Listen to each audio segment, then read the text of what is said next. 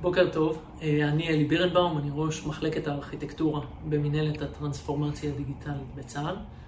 ההרצאה שלי הולכת לעסוק בפרפר הדיגיטלי, איך אנחנו רותמים את הפוטנציאל של הדיגיטל ואיתו משפיעים על שדה הקרב ועל המערכה הבאה.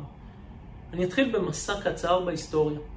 בעצם לפני 15 שנה, צה"ל במצב שהוא מקביל לזחל בעולם של הפרפרים.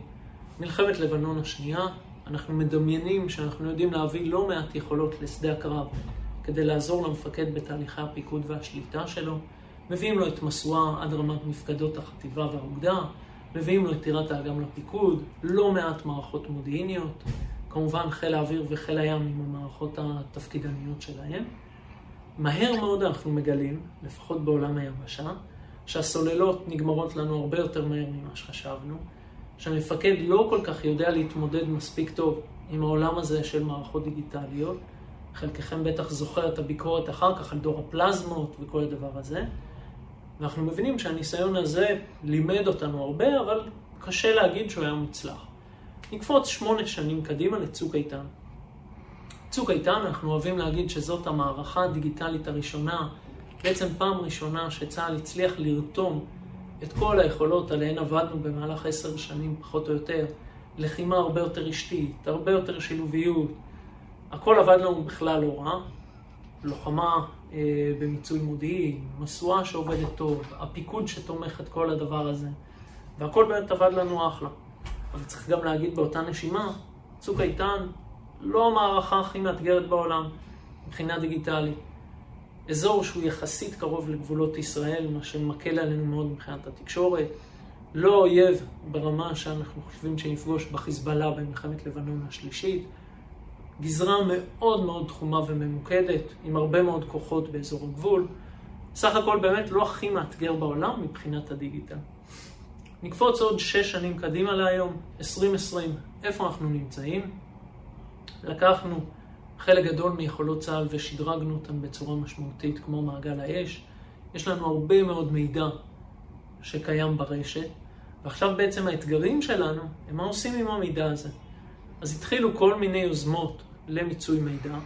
צריך להגיד ביושר, חלקן הגדול דברים מקומיים שמנצלים הצלחות בתחומים ספציפיים, אבל עדיין לא מביא איזו ראייה מערכתית. עוד אי אפשר להגיד שצה"ל מקבל ציון גבוה בעולם הזה של מיצוי מידע, בטח לא באזור המבצעי. ואני עדיין לא מדבר על למידת מכונה ובינה מלאכותית וכל הקומות הגבוהות יותר.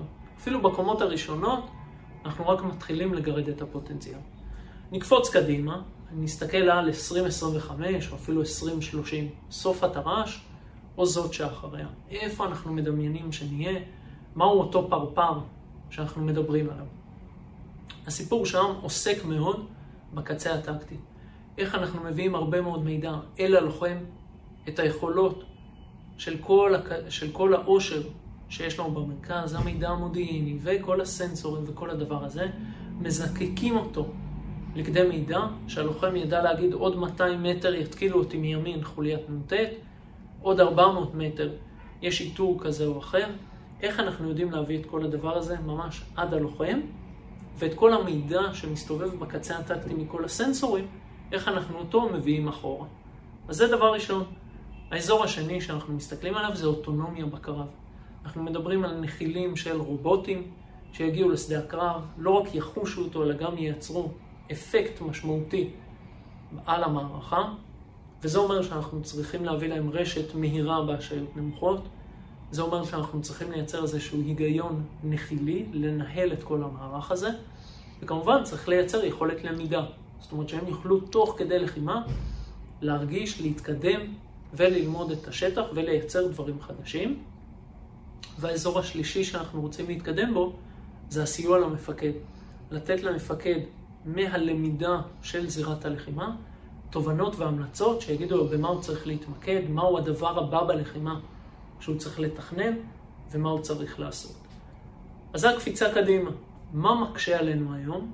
אז כמה דברים. קודם כל, היכולת של המפקדים להאמין במכונה, שלנו להיות מסוגלים להראות להם שהדבר הזה עובד, שזה לא רק במרכאות קשקוש של טכנולוגים, אלא יכול להביא אפקט מבצעי אמיתי לשדה הקרב. זה כמובן מתחיל בתרבות.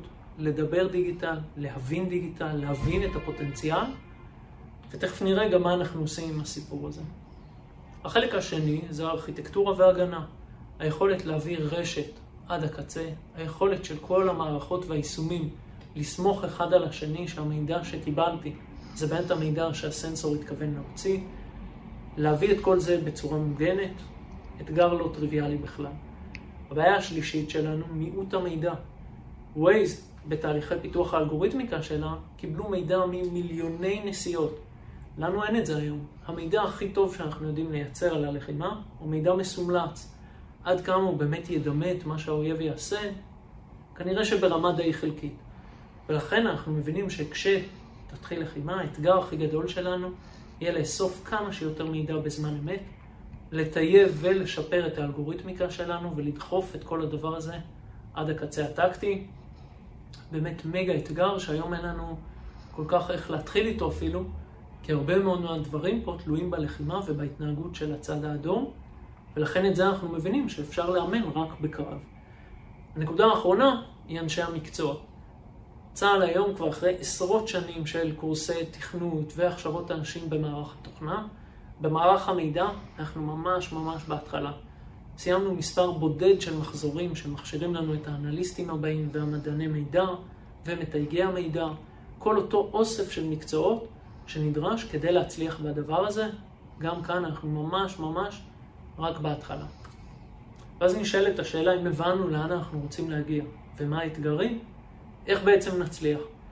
אז קודם כל, לשמחתנו, כמו כל ארגון שהצליח בטרנספורמציה הדיגיטלית, ראש הארגון, הרמטכ"ל ופורום המטה הכללי מאוד מבינים את הפוטנציאל הדיגיטלי ומאוד דוחפים את זה קדימה בתוך הצבא, רואים את זה גם ברעיונות וגם בתר"ש הקרובה, באמת בליבת העיסוק של צה"ל. אז זה אחד. שתיים, אנחנו משקיעים הרבה מאוד בהכשרות המפקדים ובלהתחיל להחדיר את התרבות הדיגיטלית פנימה לתוך צה"ל. אנחנו מאמינים שככל שהמפקדים ידעו לדבר על דיגיטל ויבינו דיגיטל, הם בעצמם ידרשו יכולות חדשות, ואם אני דורש, אז כמובן שאני ארצה להשתמש במה שקיבלתי. אנחנו עובדים קשה מאוד להכשיר את אנשי המקצוע, כמו שאמרתי קודם, עשרות שנים בקורסי תכנות, ממש רק ההתחלה במידע. צריך לתעל לאזורים האלה אנשים בעלי יכולות מאוד מאוד גבוהות, שיאפשרו לנו לעשות את קפיצת המדרגה שלה אנחנו מצפים.